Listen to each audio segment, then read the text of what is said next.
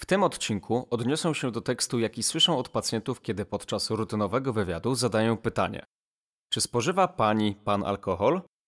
Część odpowiada: Jak każdy.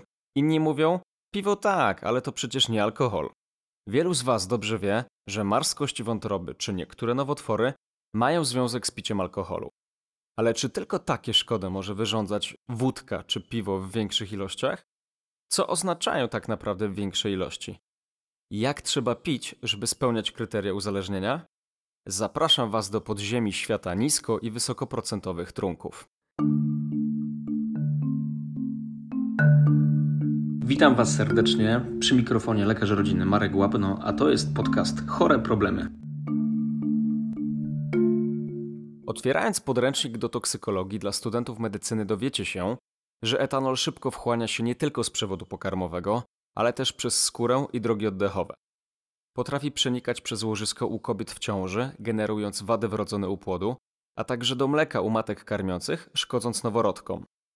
Wbrew stereotypom etanol nie pobudza, wręcz przeciwnie. Ma tak zwane działanie depresyjne na centralny układ nerwowy, co oznacza, że w rzeczywistości nas spowalnia. Etanol powoduje hipoglikemię, czyli zbyt niski poziom glukozy we krwi, co ma kolosalne znaczenie np. u osób chorujących na cukrzycę. Nadal cytując książkę, wymienię Wam teraz objawy ostrego zatrucia etanolem. Pobudzenie, nudności, wymioty, ból brzucha, ból i zawroty głowy, zwężenie lub poszerzenie źrenic, oczopląs, podwójne widzenie, gadatliwość, zaburzenia koncentracji, zaburzenia równowagi, splątanie, bełkotliwa mowa, senność aż do śpiączki włącznie, drgawki, zaburzenia oddychania, zaburzenia rytmu serca, utrata elektrolitów, spadek ciśnienia tętniczego krwi, bradykardia, czyli zbyt mała liczba uderzeń serca na minutę, hipotermia, czy wymieniona wyżej hipoglikemia.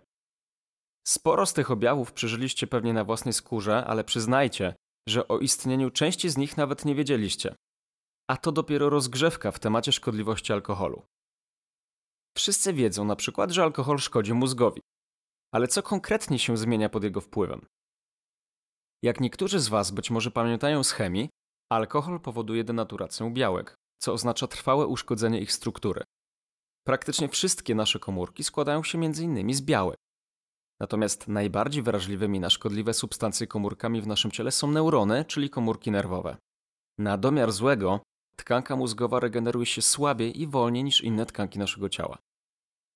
Liczne badania naukowe wykazały, że przywlekłe nadużywanie alkoholu przyczynia się do zmniejszenia objętości istoty szarej zawierającej skupiska ciał neuronów, zmniejszenia także objętości istoty białej zawierającej wypustki neuronów, zaniku muszczku i hipokampa, uszkodzenia ciał suteczkowatych i jąder podwzgórza, zaburzenia funkcji ciała migdałowatego, a także zahamowania jego połączeń z innymi strukturami mózgu.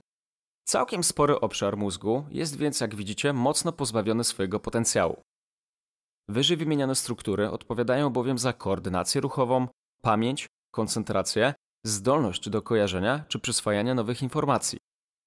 Należy podkreślić, że zmiany w mózgowiu są tym większe, im wcześniejszy jest wiek inicjacji alkoholowej.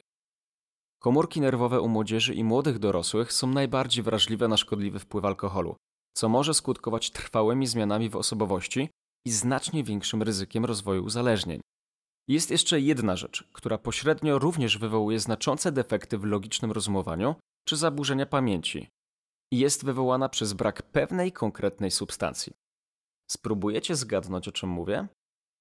Chodzi o witaminę z grupy B, a szczególnie o tiaminę, czyli witaminę B1, której brakuje u 80 do 90% alkoholików.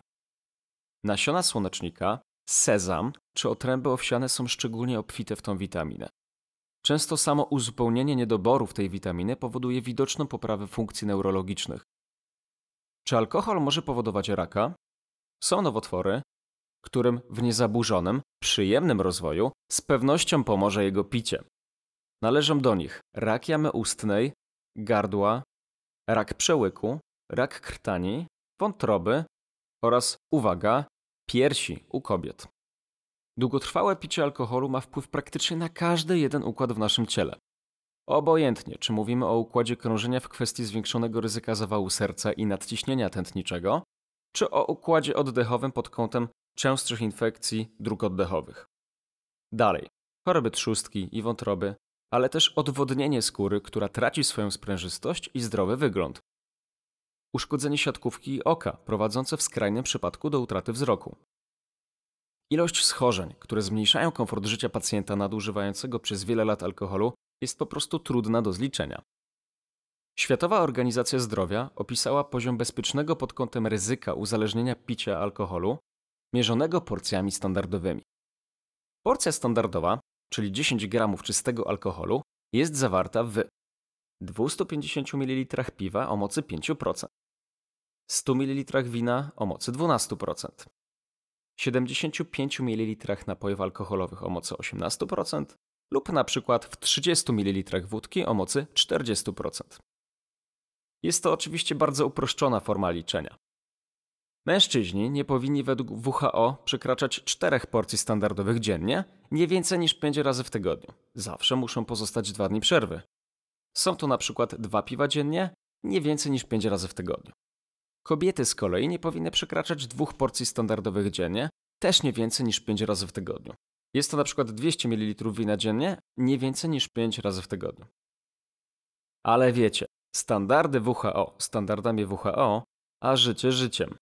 Powiedzmy sobie szczerze, na podstawie moich doświadczeń z kilku przychodni, że każdy, kto pił dwa piwa dziennie przez 5 dni w tygodniu przez dłuższy okres czasu, miał później jakiś zdrowotny problem. Na przykład waga, która przez kaloryczność napojów alkoholowych, szczególnie piwa, często idzie w górę, lub widoczne dopiero w badaniach laboratoryjnych symptomy uszkodzenia wątroby, czyli podwyższone parametry ASPAT i ALAT. Dlatego moim zdaniem każda ilość alkoholu jest potencjalnie szkodliwa i może prowadzić później do uzależnienia. Co ciekawe, według głównej definicji uzależnienia od alkoholu, którą posługujemy się w pracy, nie ma znaczenia konkretna ilość wypijanego alkoholu. Zgodnie z obowiązującymi w Polsce kryteriami ICD-10, uzależnienie rozpoznaje się wtedy, gdy spełnione są co najmniej trzy spośród następujących kryteriów. 1. Silne pragnienie lub poczucie przymusu zażywania substancji. 2. Trudności w kontrolowaniu zachowania związanego z jej przyjmowaniem. 3. Fizjologiczne objawy stanu odstawienia charakterystyczne dla danej substancji, czyli zespół abstynencyjny lub przyjmowanie tej samej i podobnej substancji w celu złagodzenia lub uniknięcia objawów abstynencyjnych. 4. Stwierdzenie objawów tolerancji.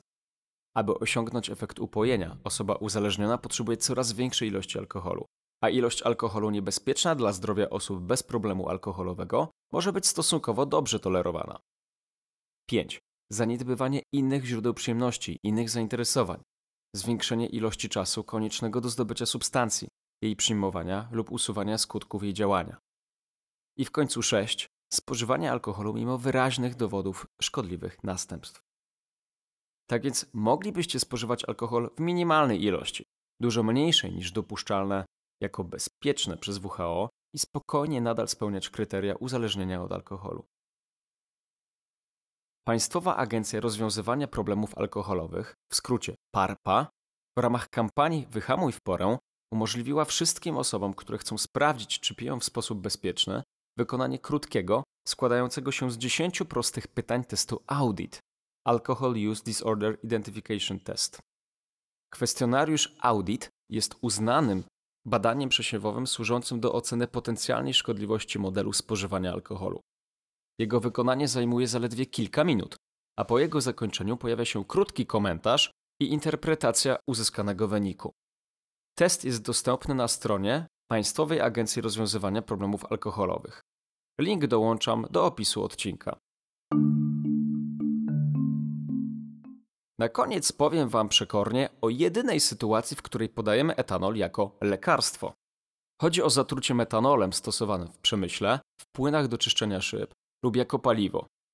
Na podstawie smaku i zapachu nie da się go odróżnić od alkoholu etylowego, co jest przyczyną zatruć podczas spożywania alkoholu nieznanego pochodzenia, zawierającego metanol zamiast etanolu. Żeby nie dopuścić do metabolizowania metanolu, po jego przyjęciu zatykamy komórki mniej niebezpiecznym etanolem. 10 ml czystego metanolu powoduje całkowitą ślepotę. Większe dawki potrafią być śmiertelne. Dlatego nie należy spożywać alkoholu z nieznanego źródła, o niepewnym składzie ani innych substancji alkoholowych niespożywczych. Dzięki za wysłuchanie dzisiejszego odcinka. Trzymajcie się. Hej.